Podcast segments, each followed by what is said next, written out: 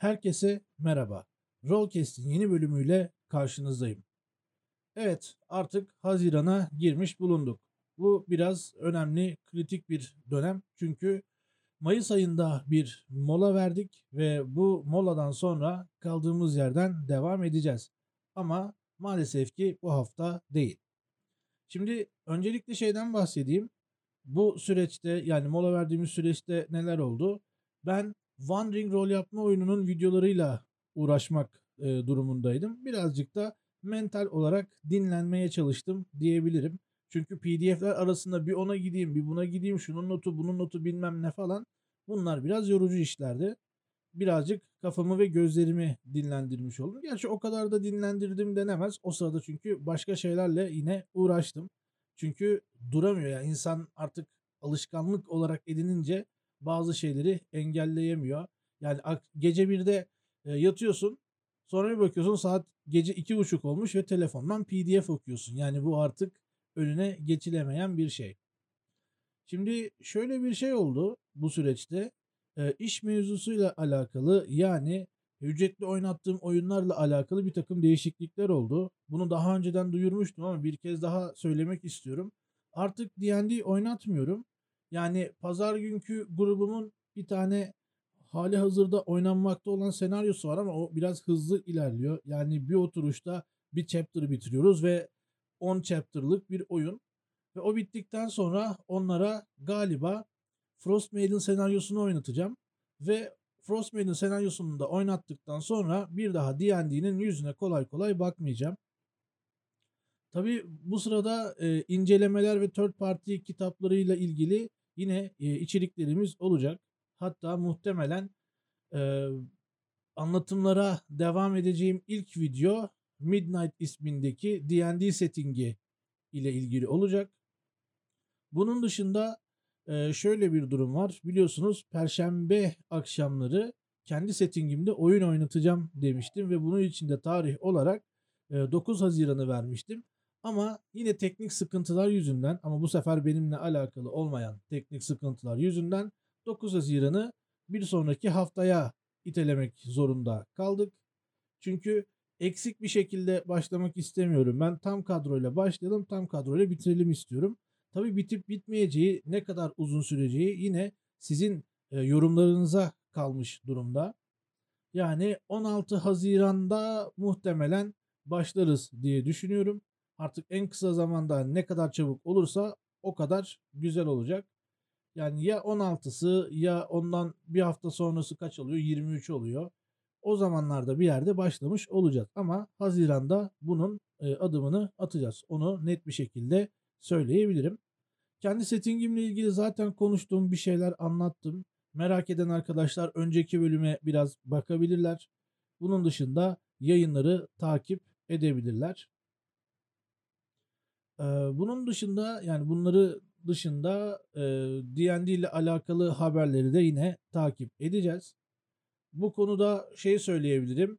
Bu Morden Kanan'ın He-Man kitabı çıktı. He-Man kitabı dediğim neydi? Masters of the Multiverse müydü? Onun gibi bir şeydi sanırım. Buradaki göndermeyi yakalayamayan genç arkadaşlar için şeyi söyleyeyim.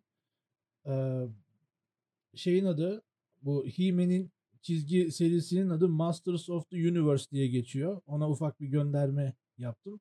Neyse muhtemelen adamlar da benzer bir gönderme yaptılar diye tahmin etmek istiyorum. Ağustos ayında e, Spelljammer çıkıyor. Ama Spelljammer'ı da zaten yayında inceledik. Yani esas Spelljammer'ın ne olduğuna baktık. Muhtemelen benzer bir şey olmayacak. O eski tadı yakalayamayacaklar. E, diyarlar arası e, uzay yolculuğu konseptini güzel yansıtamayacaklar gibi geliyor. Çünkü D&D ekibi artık meh yani biraz tat kaçırıyorlar. Neyse. Ee, iş mevzusuyla alakalı olarak e, şöyle bir şey daha ekleyebilirim. Şimdi one shot oyunlar oynatmaya başladım. Daha doğrusu henüz başlayamadım ama ilk duyuruyu açtım. İlk duyuruya herhangi bir talep gelmedi. One shot'larda da D&D oynatmayı düşünmüyorum açıkçası. Ancak benden bir e, one shot oyun talebinde bulunabiliyorsunuz arkadaşlar. Yani bu one shot oyunları ya önceden, eee, iptal olacağı, daha doğrusu erteleneceği belli olan, eee, düzenli oyun günlerimden birine, eee, hazırlayacağım ya da, işte, cuma ya da cumartesi gibi bir güne, eee, hazırlayacağım. Başka fazla bir alternatifim yok ve insanların çoğunluğu da bu dönemlerde, yani, işte, eee, cumadır, cumartesidir bu tür günlerde biraz daha müsait oluyorlar. Bunu da bir avantaja çevirmeyi düşünüyorum. Ha, bunun dışında eğer hâlâ aranızda, eee, uzun soluklu oyun isteyen arkadaşlar varsa şu noktadan itibaren gün içi müsait olabiliyorum. O da, işte, eee, kaç gibi? Mesela oyun 13.00'de başlasa maksimum 17.00'te ya da, işte, 18.00 gibi falan bitebilir. Muhtemelen birazcık daha erken biter. O şekilde olabilir. Böyle olduğu sürece haftanın 6 günü müsaitim. Pazar günü dışında. Çünkü pazar günü öyle bir saatte başlıyor ki, yani 4'te başlıyor, akşam 10'da bitiyor ve 4'e kadarki zaman içerisinde benim senaryo tekrarı yapmam lazım. Nerede ne vardı, ne yoktu vs. diye. O yüzden, eee, pazar günleri sabah da akşam da seçenek değil maalesef. Ama diğer günler dediğim gibi gün içi olursa, öğlen ve akşam arası saatlerde olursa, eee, her zaman için müsaitim. Bunu ayrıyeten konuşabiliriz. Eee, one shot oyunlarla ilgili de şöyle bir durum var. Ben, eee, ilk böyle şansımı Cult'tan denemek istedim ama gördüğüm üzere kimse katılmadı. Yani bunu da aslında, eee, Cult konusunda meraklı olan arkadaşlar için bir dezavantaj olarak görüyorum. Çünkü, eee, başka oyunlar oynatacağım. Artık Cult bir daha ne zaman böyle bir, eee, şeyle gelirim bilmiyorum. 2'nci duyurumu, eee, Avatar Legends üzerinden yapmayı düşünüyorum. Yani kafasında mavi ok olan çocuğun rol yapma oyunu olacak. Onunla ilgili şu anda çalışmalar yapıyorum. Yani, eee, player move'ların açıklamalarını Türkçe olarak, eee, sisteme geçiriyorum. Bununla birlikte setting'in özelliklerini öğrenmeye çalışıyorum. Yani ilk, işte, ilk avatar neymiş, avatar ne yapar, işte, eee, ulusların mevzuları neymiş, şunu büken nedir, bunu büken nedir vs. Bu tür şeylere, eee, çalışıyorum ve, eee, şu anda dışarıda hayvan gibi araçlar böyle bam bam diye kapılarını çarpıyorlar, korna basıyorlar. Umarım kayda çok fazla gelmez. Yani, eee, geliyorsa da kusura bakmayın. Benim burada sinirim bozuldu açıkçası bütün sesleri duyarken. Neyse, eee, Avatar oynatmayı düşünüyorum. Böyle kendime güzel bir dönem de seçtim. Videoda açık quick start videosunda açıklamıştım. Eee, 5 farklı dönem var ve bu dönemler arasında bu 100 Yıl Savaşı'ydı yanlış hatırlamıyorsam. Yani tam böyle bu Avatar Aang'in, eee, buz kütlesi içerisinden çıkmadığı ama muhtemelen çıkmasına yakın olan dönemde, eee, geçecek 1-2 tane senaryo fikrim var. Onları kullanmayı düşünüyorum. Tabii daha hazır değilim. Çünkü biraz, eee, fazla karakter hamlesi var gibi gözüküyor. Onları hızlı bir şekilde nasıl kontrol edebileceğimi keşfetmem lazım.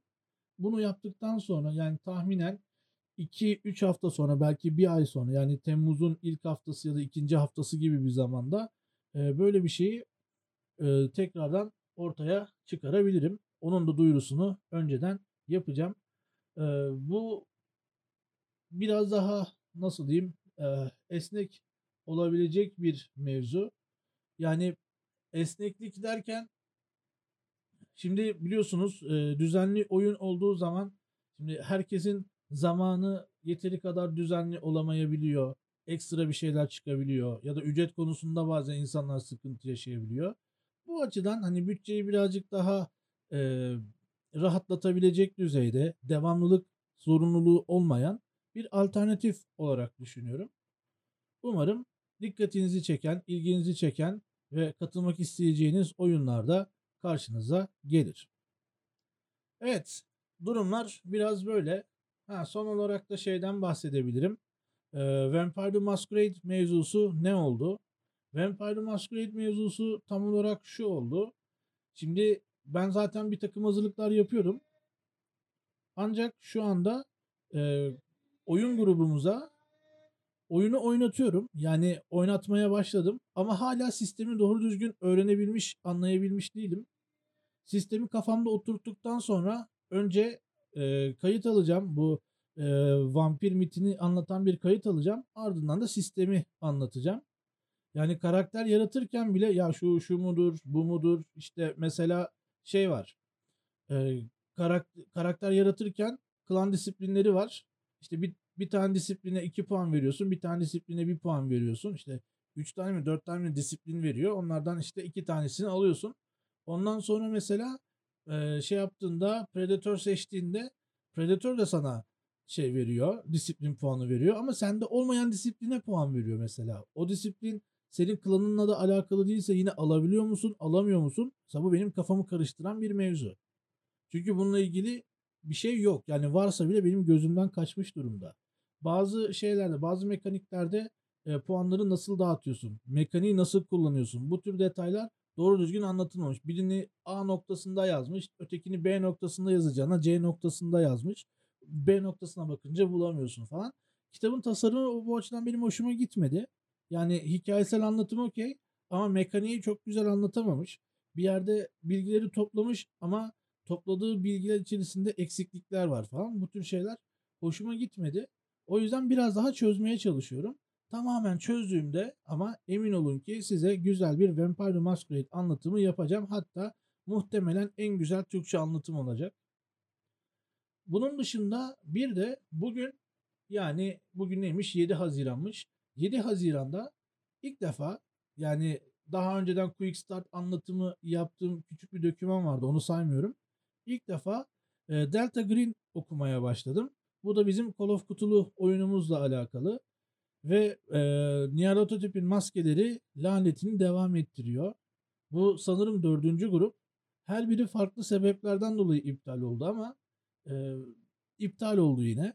Ama ekip iptal olmadı. Senaryo iptal oldu. Dediler ki Delta Green'e geçelim. Gerçi o da şu anda %100 değil. Yani hala bir konuşulacak son bir söz söylenecek ama ben yine de ne olur ne olmaz diye okumaya başladım ve akşama yetiştirmem gerekiyor.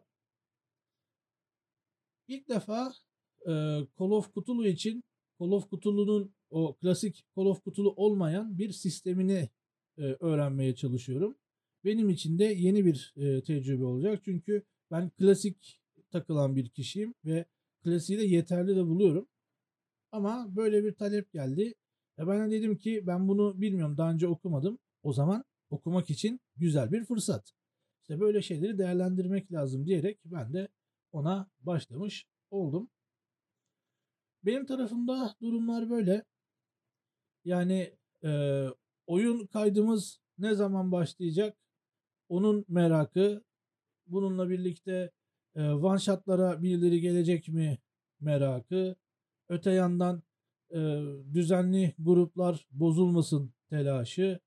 Yeni sistemleri kullanmaya çalışmacalar. Bu şekilde bir koşuşturmaca. Tabii bu süreçte çok fazla haber takip edemedim. Yani arada işte kaçırdığım bazı şeyler olabilir. Bunları da parça parça konuşacağız. Öyleyse başlıklarımıza geçebiliriz. Evet, e, parça parça kayıt almanın şöyle bir avantajı var arkadaşlar. Introda bahsettiğim bu oyunla alakalı mevzuda bir değişiklik oldu. Onu da eklemek istedim hani kayıtlara geçmiş olsun diye. E, Call of Cthulhu'ya devam ediyoruz. Yani e, Mass of Nyarlathotep'in Amerika e, chapter'ını oynayacağız. Belki bir ihtimal şeyi çözebiliriz bu durumda. E, üzerimizdeki bu lanetten kurtulabiliriz gibi gözüküyor. Bakalım ne olacak? Onda böyle not düşeyim dedim. Evet arkadaşlar konuya bir güncelleme daha geldi. İşte parça parça kaydetmenin faydaları. Yayınlayamadan hemen araya bir şey daha ekledim. Aynı zamanda podcast içinde ayrı bir başlık daha buldum. Onu da e, sonuna ekleyeceğim. Neyse son olarak Delta Green mevzusuna girmeden Call of Cthulhu'nun Nyarlathotep'in maskeleri senaryosuna kaldığımız yerden devam edeceğiz. Yani en azından bir Amerika'yı oynayacağız. Ondan sonra da artık e, arkadaşların durumuna göre yani şikayetçi olurlarsa belki başka bir şey yaparız ya da hoşlarına giderse devam edelim derlerse artık muhtemelen sonuna kadar gideriz gibi geliyor. Yani bir uzlaşma noktası e, belirlemiş olduk. Yani bu güzel bir şey. Tabii burada önemli olan vurgulamak istediğim mevzu şu. Bir şeyleri kararlaştırırken yüz yüze konuşmak gerçekten çok etkili, çok önemli bir şey. Ben eee, ilk güncellemeyi yerleştirdiğimde hala yüz yüze konuşmamıştık. Ama ikinci güncelleme oyun e, oturumundan sonra gerçekleşti. Tabii gece vakti olduğu için ve bir takım e, halletmem gereken ekstra işleri halletmem gerektiği için gece ekleyemedim. Bir sonraki güne kaldı. Yani durum böyle. Siz de kendi grubunuzda bir takım fikir ayrılıkları yaşadığınız zaman bunu yazışarak değil, sesli bir şekilde Discord'da olur, yüz yüze buluşmak, toplanmak olur. Bir şekilde halledin derim. Bizim e, grubumuz güzel bir şekilde ilerliyor. Şu anda net bir şekilde söyleyebilirim ki hiçbir oyun grubumda hiçbir sıkıntı yok. Yani en azından bana söylenen mevzular üzerinden hep konuştuk, şey yaptık. Herkes birbirini anladı, herkes derdini açıkladı ve ona göre oyunumuzu şekillendirdik. Zaten önemli olan mevzu da bu. Birlikte keyifli zaman geçirmek. Unutmadan değinmem gereken bir mevzu daha var. O da şu. İçeriklerimizi takip etmek, yani daha sıkı bir şekilde takip etmek, herkesten önce yeni içeriklere ulaşmak ve ya bu insanlar buraya bayağı bir emek harcıyorlar galiba. Ben de ufaktan bir destek atayım demek isterseniz YouTube kanalımızın abonelik üzerinde gözüken o katıl butonuna basmak suretiyle üye olabilirsiniz. Üye olduğunuz zaman ne oluyor? Öncelikle e, seri videolarına erkenden erişebiliyorsunuz. Çünkü seri tamamlanana kadar bölümleri düzenledikçe kanala atıyorum ve e, sadece üyeler erişebiliyor. Sonrasında zaten e, seri tamamlandıysa haftalık olarak yani haftanın belli bir günü, belli bir saati şeklinde olacak biçimde kanalda herkese açık hale geliyor. Tabi önceden e, abone olan, daha doğrusu abone değil, üye olan arkadaşlar izleme fırsatına erişebiliyorlar. İkinci tierden üye olan arkadaşlar abi bana şu sistemi anlat, abi bana şu kitabı anlat gibi özel taleplerde bulunabiliyor. Üçüncü seviyeden itibaren e, sponsorluk mevzusu başlıyor ki artık e, önceki bölümde bahsettiğim yani podcast'in önceki bölümünde ve bir önceki konuda bahsetmiş olduğum one shot oyunlara artık bu raddeden sonra sanırım ki yüksek tierden destek olan arkadaşlar için birer koltuk ayırabilirim. Yani böylelikle kendini tamamlayan bir sisteme doğru evrilmeye başladık. Bununla birlikte tabii şöyle bir durum var. Bu destekler yani şu anda açıkçası çok böyle büyük bir destek yok. Ama yine de her destek önemli. Yani bu destekler eğer artarsa benim bazı konularda daha rahat olmamı sağlayacak. Yani şu anda en azından hani birinci tierden bahsediyorum. Yani birinci tierden destek olmak teknik olarak iki ekmek parasından ucuza denk geliyor. Hadi biz iki ekmek diyelim. Zaten bu iki ekmekten birini e, YouTube'la devlet kendi arasında bölüşüyor. Bize kalıyor bir ekmek. Ve yine de ben bu e, ücretlendirmeyi değiştirmeyeceğim. Bu böyle sabit bir şekilde kalacak. Diğer tierleri belki birazcık değiştirebilirim. Yani ufak bir artış ya da azalma tarzı bir şey olabilir. Daha düzgün, daha e, ma akla mantığa uygun bir şekle sokmak için. Ama şu anda onlara da dokunmayacağım. Yani böyle bir durum var. One shot'larda garanti koltuk isterseniz kanala böyle bir destekte bulunabilirsiniz. Ama yani işin özünde şu var. Göstereceğiniz bütün destekler içerik sağlamak için, anlatım yapmak için ve size güzel bir şekilde bir şeyler sunabilmek için harcadığımız emeğin karşılığından daha fazlası değil yani. Daha e, yani elimden geldiğince hak etmeye çalıştığımı söyleyebilirim. Yani videoları mesela işte editlemeye çalışıp e, daha kompakt bir hale getirmeye çalışmak. Bununla birlikte oyun videolarında arka plana birazcık daha ses ve efekt ekleyerek daha dinlenebilir, daha akılda canlanabilir bir hale getirmeye çalışmak gibi şeylerle uğraşıyorum ve yani şunu söyleyebilirim size. Yani sizin dinlediğiniz, izlediğiniz işte 45 dakikalık, 50 dakikalık video özünde yani 1,5 saatle 2 saat arası bir videonun kesilmiş, biçilmiş, düzeltilmiş hali ve bunun üzerine birkaç gün boyunca işte hem bunun kesip kesilip biçilip düzeltilmesi hem arka planına müzik koyulması, o doğru müziği bulabilmek, bir yandan da işte e, uygun efekti bulabilmek ve efekti nereye koyacağına karar vermek gibi bir süreci var. Bununla birlikte yani şeyde düşünürseniz işte ücretli oyunlarım var. Onlarla uğraşıyorum. Bir yandan firmalarla iletişim kurmaya çalışıyorum. Anlatımını yapacağım kitapları okumaya çalışıyorum falan. Böyle e, çok nasıl diyeyim karmaşık bir süreci var bu işin. O yüzden e, desteklerinizi bekliyorum. Evet, RPG haberleri mevzularımıza girmeye başlayabiliriz. Ve girişi de Dungeons and Dragons'la yapıyoruz. Şimdi arkadaşlar, dünya devi de olsanız bazı sıkıntılar sizi bir şekilde vuruyor. Ve Dungeons and Dragons'ı da vuran bir üretim sıkıntısı var. Ve bu yüzden ürünler gecikiyor. Şimdi biliyorsunuz bir süre önce de konuşmuştuk.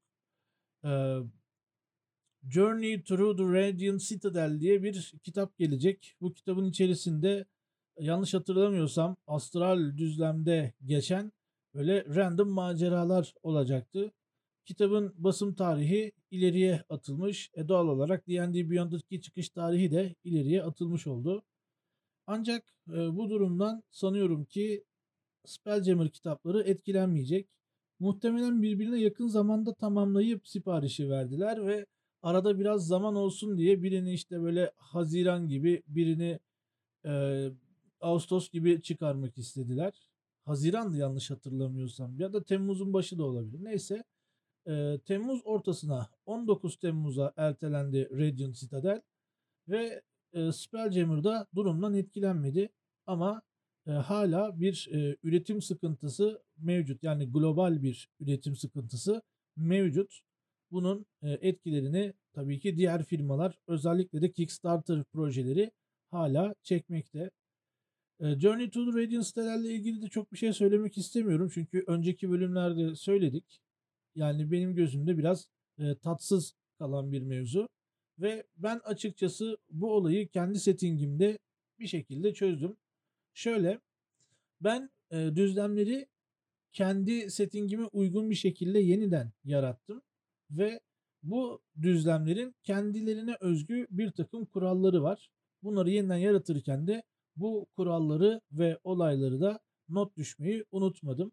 Yani benim settingimin olur da günün birinde bir kitabı çıkacak olursa orada işte mesela astral e, astral düzlem diye bir şey yok. Mesela astral sicim var.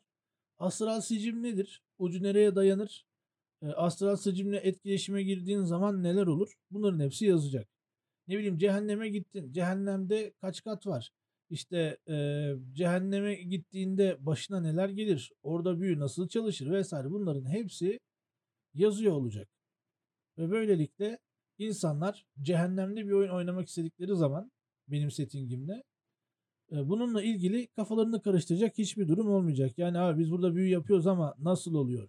İşte e, biz burada buranın habitatında yaşayabilecek miyiz acaba? Hani nefes alıp verirken ne oluyor bize falan. Bunların hepsinin cevabı mevcut olacak. Kimsenin kafası karışmayacak ve yani e, sanki materyal düzlemdeymiş gibi oynamaya da devam etmeyecek. Çünkü öyle olsaydı materyal düzlem macerası olurdu. D&D biraz ilginç bir e, olgu. Yani aslında birçok değişikliği, birçok güzelliği ortaya çıkarabilecek bir altyapıya sahip ama firma özellikle resmi içeriklerde bunu kesinlikle yapmıyor. Buna rağmen insanlar DND, DND deyip duruyor. Yani aslında işin şöyle ilginç bir kısmı var. Ee, çok fazla D&D oynanıyor. Yani bu birazcık da aslında sözde bu şekilde. Çünkü insanlar kendi settinglerini oynatıyorlar, kendi hikayelerini oynatıyorlar, kendi ne bileyim e, D&D settingi bile olsa kendi e, custom hikayelerini oynatıyorlar. E, D&D'yi eğip büküp kafalarındaki konsepte yedirmeye çalışıyorlar. Ne gibi? Mesela ben e, benim hobide böyle en aktif olmaya başladığım o ilk zamanlar mesela 2008-2009 döneminde bütün arkadaşlarım kendi bir taraflarından uydurduğu avatar oyunları oynatmaya çalışıyordu. Nereden? D&D üzerinden. Yani eee, ucuz, basit, eee, mantıksız ama o sırada hani o anlatımın arkasına işte sana diyor ki vizarat falan diye orada böyle yediriyor ve o sırada aslında sana mantıklı, düzgün gibi geliyor. Bu şekilde şeylerdi. Ama yani birçok şey yapılabilir. Şu anda e, da önceki bölümde bahsetmiştim. Bir Kickstarter projesi var. Adamlar diyor ki D20 moderni kullanarak Crow oynayabilirsin. Highlander oynayabilirsin. Ne bileyim işte Pacific Rim oynayabilirsin gibi böyle popüler ve kendince artık kültleşmiş e, filmlerin gameplay versiyonlarını size sunmaya çalışıyor. Yani bunu bayağı klasik D20 ile yapıyor. Yani D20'nin modern versiyonuyla yapıyor. E, yani uğraşınca bir sürü şey çıkabiliyor. Ama ya ben açıkçası hala temelinde zayıf olduğunu düşünüyorum. Şu anlamda hani kötü değil, güzel ama zayıf. Neden zayıf? Çünkü minyatür bir e, savaş oyunundan türemiş bir oyun.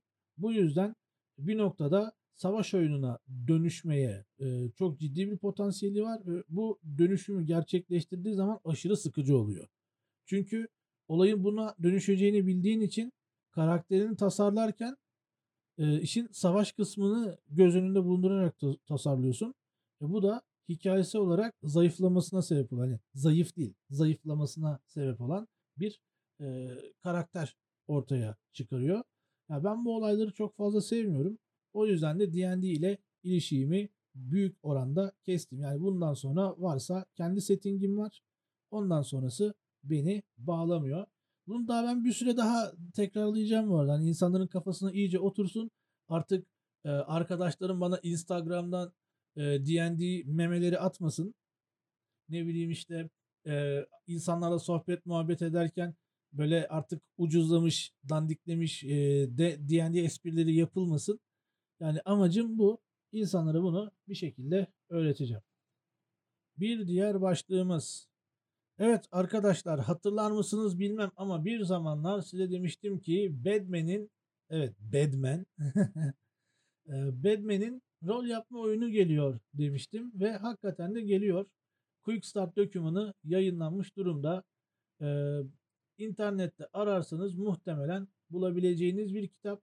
Gotham City Chronicles The Role Playing Game olarak geçiyor. Açıkçası bu oyun kime ne kadar keyif verir bilmiyorum. Çünkü oynayacağınız şey şu. En azından Quick Start dokümanda verdiği şu. Batman'in yancılarını oynuyorsunuz. Ya yani bayağı bildiğin yancıyı oynuyorsun. Ya yani uşağını falan oynuyorsun yani. O derece böyle bir şey vermişler. Gerçekten ilginç olmuş. Yani kural kitabı içerisinde kendi karakterini yaratma var mı yok mu ondan çok emin değilim. Ama muhtemelen olmalı. Bununla birlikte yani tabii ki Batman'in oyununda Batman'i oynamam biraz garip olur. Çünkü Batman çok spesifik bir karakter ve yani daha çok işte zorlukları zaten atlatsın diye var olan bir karakter. Ama tabii Batman'in türlü türlü çizgi romanları var ve şunu da görüyorsun bazen yan karakterler e, çok önemli işler yapabiliyorlar. Bazen çok önemli bir yan karakter bir anda kötü adam olabiliyor ya da kötü adamların arasındaki biri bir anda Batman'in tarafına geçebiliyor. Bu tür şeyler olabiliyor. Oyunda sanırım biraz bunu yansıtmaya çalışmışlar. Yani Batman dışındaki arkadaşlar ne yapıyor? Bir tek Batman mi var koskocaman e, dünyada, koskocaman evrende diye yaklaşmışlar sanırım. Neyse sistem olarak D&D 5E'den çakma ama e, skill mevzusunu birazcık daha değiştirmişler. Belli başlı yöntemler var. Ne gibi işte Way of Stealth mesela. Bu yöntemler içerisine şey alabiliyorsun, özellikler alabiliyorsun. Mesela diyor ki işte böyle böyle yaptığında işte stealth'ine artı 5 gelir gibi bir özellik veriyor. O yüzden de işte ne bileyim dex attığın zaman stealth için oradan bir artı 5 ekliyorsun. Bu tür e, özellikler veriyor. Yani en azından ben karakter kağıdında bir skill listesi göremedim ama Initial Ways ve Ways diye iki tane ayrı grup gördüm. Ve gruplar içinde baya böyle geniş e, yazı alanı bırakmışlar. Zaten e, Quick dokümanına baktığınız zaman bunu siz de göreceksiniz. Quick dokümanı demek şu demek oyun geliyor. Artık ne kadar zaman içerisinde gelir 2022'de görebilir miyiz onu bilmiyorum. Çünkü e, kitabın tamamlanması var. O ayrı bir süreç. Ondan sonra baskı mevzusu var. O bambaşka bir süreç. Ki yani bir önceki konuda da bahsettim. Yani Wizards of the Coast bile böyle bir sıkıntı çekiyorsa muhtemelen e, monolit çocuklar da bu sıkıntıyı çekerler gibi geliyor bana. E, Monolith diye geçiyor e, publisher'ın adı. Warner Bros'la birlikte çıkarıyorlar. Yani kitabın sol tarafında yukarıda Warner Bros logosu var. Altta da Monolith diye bir logo var. Benim daha önceden hiç görmediğim, duymadığım bir şey. E, umarım oyun güzel olur. Açıkçası biliyorsunuz. Bilmiyorsanız da öğrenin. Ben DC sevmiyorum. Marvel da sevmiyorum. Marvel ile DC arasında birini seçecek olsam muhtemelen Marvel'ı seçerim. Çünkü e, X-Men'in karanlık hikayeleri benim her zaman için hoşuma gitmiştir. Ve oradaki işte o Revolution kafası falan o tür şeyler hoşuma gitmiştir. Ama e, ben açıkçası ikisini de sevmem. Günün birinde bir Spawn e, role playing game görürsek onun muhtemelen Collector's Edition'ını almak için varım yoğumu satarım. Öyle. Evet, konuşacak konu bulamadığım için bu başlığımız e, Stranger Things olacak. Neden? Çünkü dördüncü sezonunu geçtiğimiz haftalarda verdi ve insanları böyle merakta bırakarak ufak bir ara koydu. Sanırım Temmuz'da devam edecek. Temmuz'un ilk haftasında yine devam edecek. 8 bölüm yayınladılar ve öğrendiğim kadarıyla 2 bölüm daha gelecek. Acaba böyle yapmalarının sebebi artık dizinin tamamen bir finale gitmesi mi diye merak ediyorum. Ama öte yandan da şey var. Yani daha ekmeği bayağı bir yenebilecek bir dizi gibi duruyor ve yani konu da üretilebilir. Ama yapacaklar mı yapmayacaklar mı bunu biraz zaman gösterecek. Bir de tabii final bölümler gösterecek. O son iki bölümde yani hakikaten bitti mi bitmedi mi devam eder miyi göreceğiz. Açıkçası şunu söylemem lazım. Bu dizi biraz benim gözümde hafif bir hayal kırıklığı. Çünkü o kadar uzun ara veriyor ki izlediğin şeyi unutuyorsun. Yani bu bir strateji ise yani ben bunu yemek istemiyorum arkadaş. Ben e, diziyi tekrar şey yapacağım zaman devam edeceğim zaman tekrar bir oturup izlemek istemiyorum. Yani bunu özellikle kendim kendiliğimden istemem lazım diye düşünüyorum. Ne kadar söylemesi zormuş ha böyle bir an konuşunca araya sıkıştırıp. Neyse.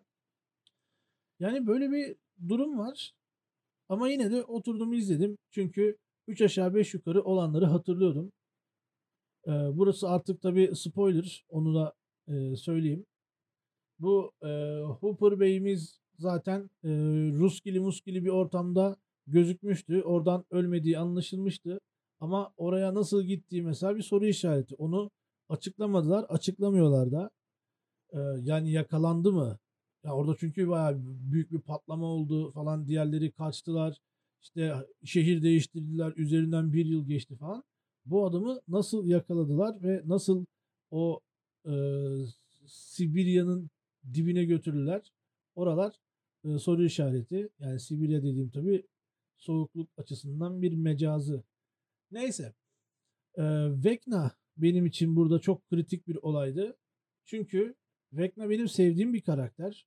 Bilmeyen arkadaşlar için özet geçmek gerekirse OERT'te yani Greyhawk dünyasında, Greyhawk settinginde e, Vecna hakikaten de şey yani çok çalışmış ve çalışmasının karşılığını da bir e, lich olarak almayı başarabilmiş büyücü bir arkadaşımız.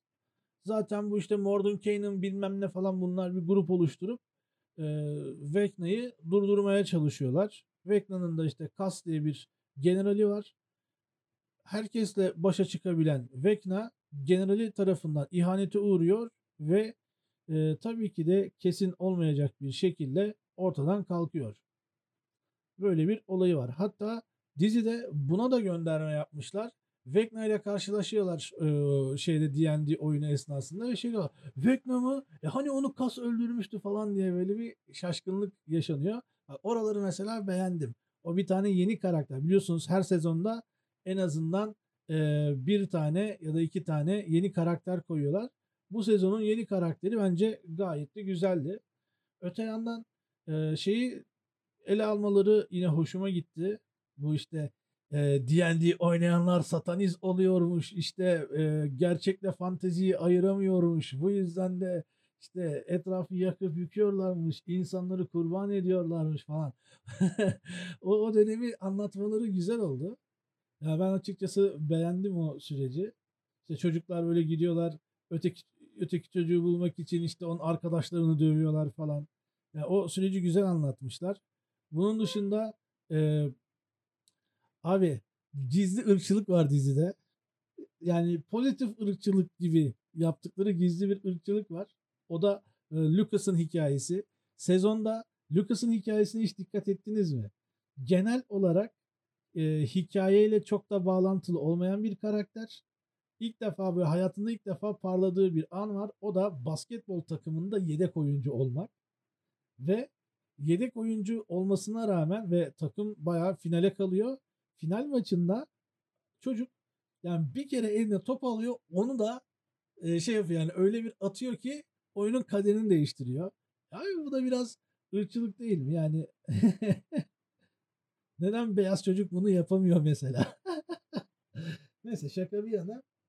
E, Lucas'ın hakikaten orada bir ilginç bir durumu var. Çünkü eline ilk defa e, popülerleşme, sosyalleşme fırsatı geçiyor.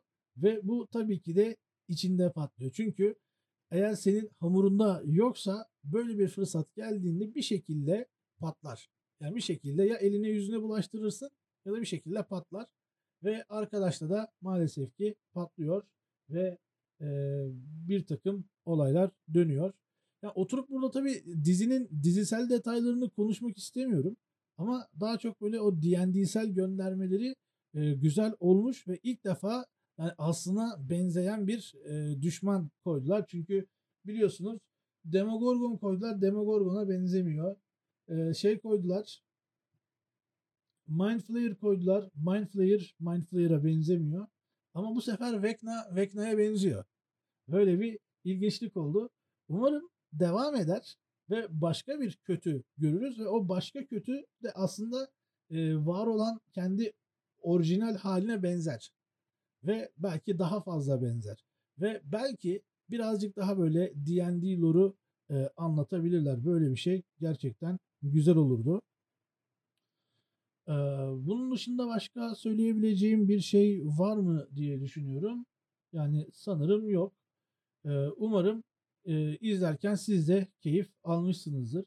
Yani o Hellfire Club konsepti gerçekten hoştu ve orada Dungeon Master'lık yapan arkadaş da güzel bir şekilde Dungeon Master'lık yapmıştı. Darısı diğer Dungeon Master'ların başına. Geldik bir başka konuya.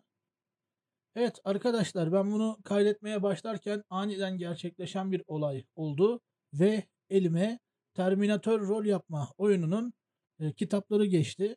Gördüğüm kadarıyla dijital anlamda son derece hazır gözüküyor. 200 küsür sayfalık bir e, kural kitabı var ve anladığım kadarıyla Terminator olmaca yok. Yani Judgment Day ne olarak geçiyor? Kıyamet günü olarak geçiyordu galiba. O olaydan kurtulmuş kişilerin işte hayatta kalma mücadelesi aslında.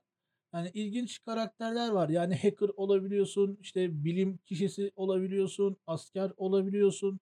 Ne bileyim araştırmacı böyle arkeolog kıvamında şeyler olabiliyorsun.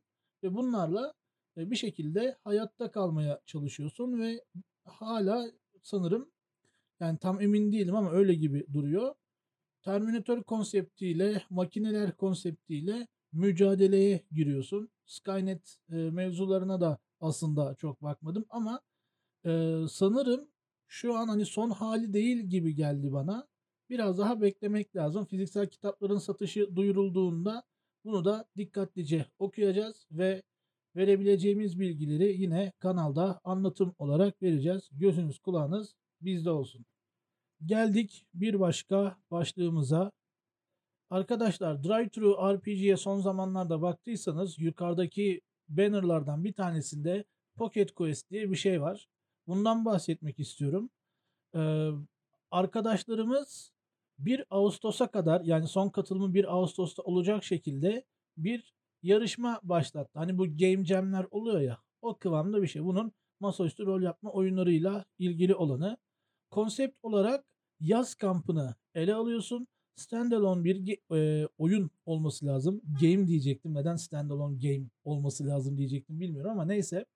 Standalone yani e, sadece sizin hazırladığınız PDF'i alınca oynanabiliyor olması lazım. Bu bir. İkincisi e, hazır bir sistem kullanacaksanız o sistemin e, izin sınırları dahilinde olması lazım. Yani ben D&D'yi alayım e, kendimce oyun yapayım demek istersen mesela onun e, SRD sistem referans dokümanı diye bir şey var.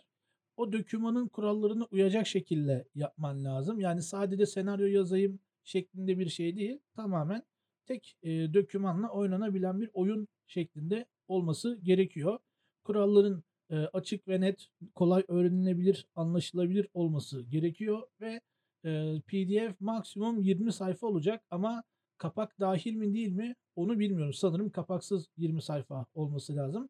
Böyle ilginç bir şey var. Ben de işten güçten ayırdığım zaman da biraz fikir üretmeye çalışacağım. Aslında aklımda e, kartla oynanabilecek yani kart ve zar kullanarak yani karakter kağıdı kullanmadan oynanabilecek bir e, oyun fikri var. Ama e, kurallarını daha böyle belirleyemedim. Sadece öyle aklıma gelen 2-3 tane fikir yani. Böyle bir e, fikir şeyi neyi? Fikir kompleksi gibi bir şey. Eğer böyle bir şeye katılmak isterseniz e, aklınızda bulunsun. Bu peki ne işinize yarayacak? Para ödülü var mı? Sanıyorum ki para ödülü yok. Ama e, sizin en az, en azından yani bir şekilde e, tanınır olmanıza yardımcı olabilecek bir şey. Eğer Drive-Thru RPG üzerinden e, doküman yayınlamak isterseniz sizi highlight ediyorlar. Yani biraz daha ön plana çıkıyorsunuz. Böyle bir destek yapıyorlar. Yani maksat insanları biraz daha üretken olmaya teşvik etmek. Bence güzel bir fikir. E, tabii yani ne bileyim bence işin ucunda ufak bir para ödülü olsaydı yani direkt şey bile olmasa e, nedir adı mesela sana işte 50 dolar gift olmasa bile en azından drive-thru RPG e, parası diyeyim. Yani öyle bir şey olsaydı e, daha güzel olabilirdi gibi geliyor. Yani en azından şey var yarışmaya katıldım birinci oldum üçüncü oldum bir şey oldum. Oradan gelen şeyle ne bileyim belki çok ilgimi çeken ama sağda solda bulamayacağım bir PDF satın aldım. Ya da işte e, bir tane kitap vardı onun POD'sini ödemek istedim. Bu arada bilmeyen arkadaşlar için POD Print on Demand yani e, Drive-Thru RPG dijital kitapların satıldığı bir yer. Ancak anlaşmalı olduğu bazı e, matbaalar var ve siz e, kitabın e, hardcover versiyonu veya softcover versiyonunu eğer seçeneği açıksa sipariş ettiğinizde onlar kendi matbaalarında basıp size gönderebiliyorlar. Benim de gözüme takılan bir tane third party Merkborg kitabı var. O kitabı mesela almak isterdim. Şu an galiba kargosuyla birlikte 32 dolar civarı bir şey diyor.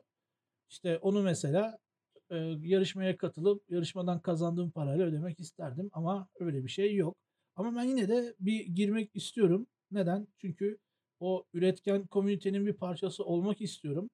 Yani hadi şunu da söyleyeyim. Son zamanlarda içerik olarak Türkçe bir şeyler üretmeyi yani üretme hedefime devam etsem mi etmesem mi bunu biraz tartmak durumundayım. Ee, belki İngilizce e, mevzulara biraz daha e, ağırlık verip yani third party işte Drive-Thru RPG vesaire üzerinden böyle bir şeye ağırlık verip belki yabancı bir yazar halini alabilirim diye düşünüyorum. Yani şöyle bir şey var biliyorsunuz. Bu işte bizim e, DRS arkadaşlar D&D içerikleri üretirken ya işte dışarıya üretiyorlar, Türkçe üretmiyorlar. Bu beni üzüyor falan demiştim. Ama gördüğüm kadarıyla yani kimse doğru düzgün bir aksiyon almıyor Türkçe üretmeye yönelik. Yani bir yandan şeyi düşünmeye başlıyorum. Hani neden ben diye düşünmeye başlıyordum. Yani biraz böyle gel gitli düşünceler içerisindeyim. Beni bir yerlerde bulup bu konuyla ilgili fikirlerinizi de söylerseniz sevinirim. Ee, neyse yani sonuç olarak böyle bir yarışma var. Yarışma ile ilgili şöyle bir destek var. Ee, Pocket Quest diye bir e, şey var.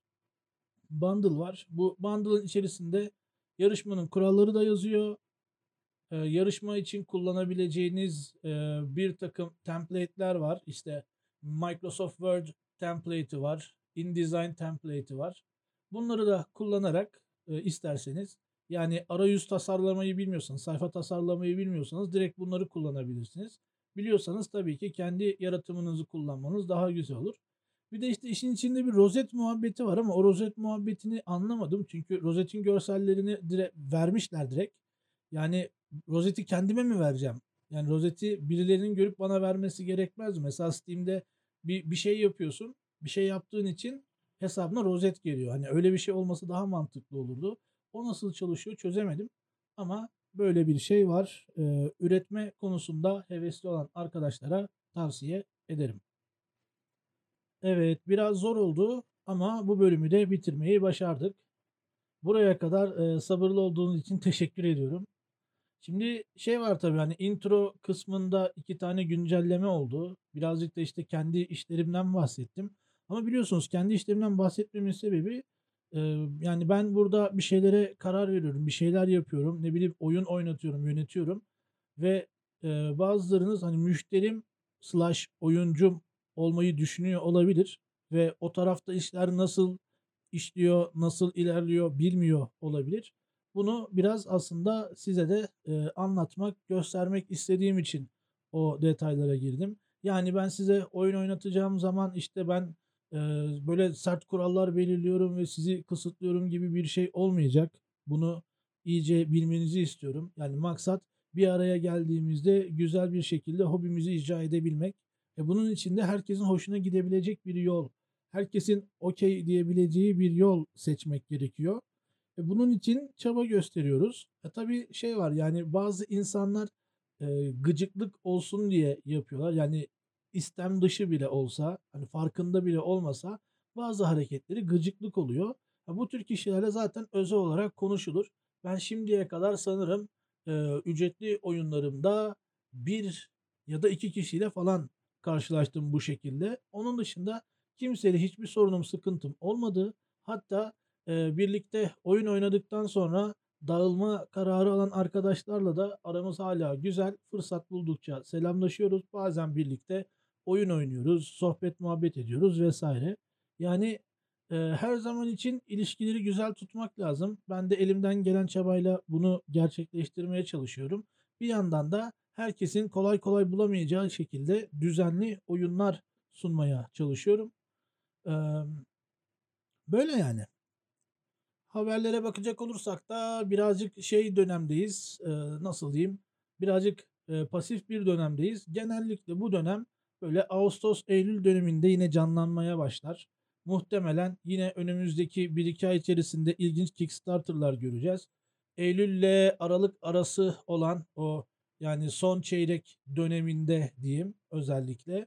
E, son çeyrek döneminde genellikle Kickstarter'ların e, sahiplerine ulaşma dönemi başlıyor.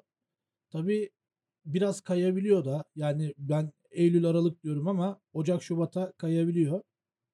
Bakalım neyi ne zaman teslim edecekler. Hala Avatar'ı bekliyorum ben mesela. Avatar'ın güzel bir paketi vardı ve dolar çılgın atmadan önce aldığım için kendimi şanslı da sayıyorum. Bakalım ne olacak.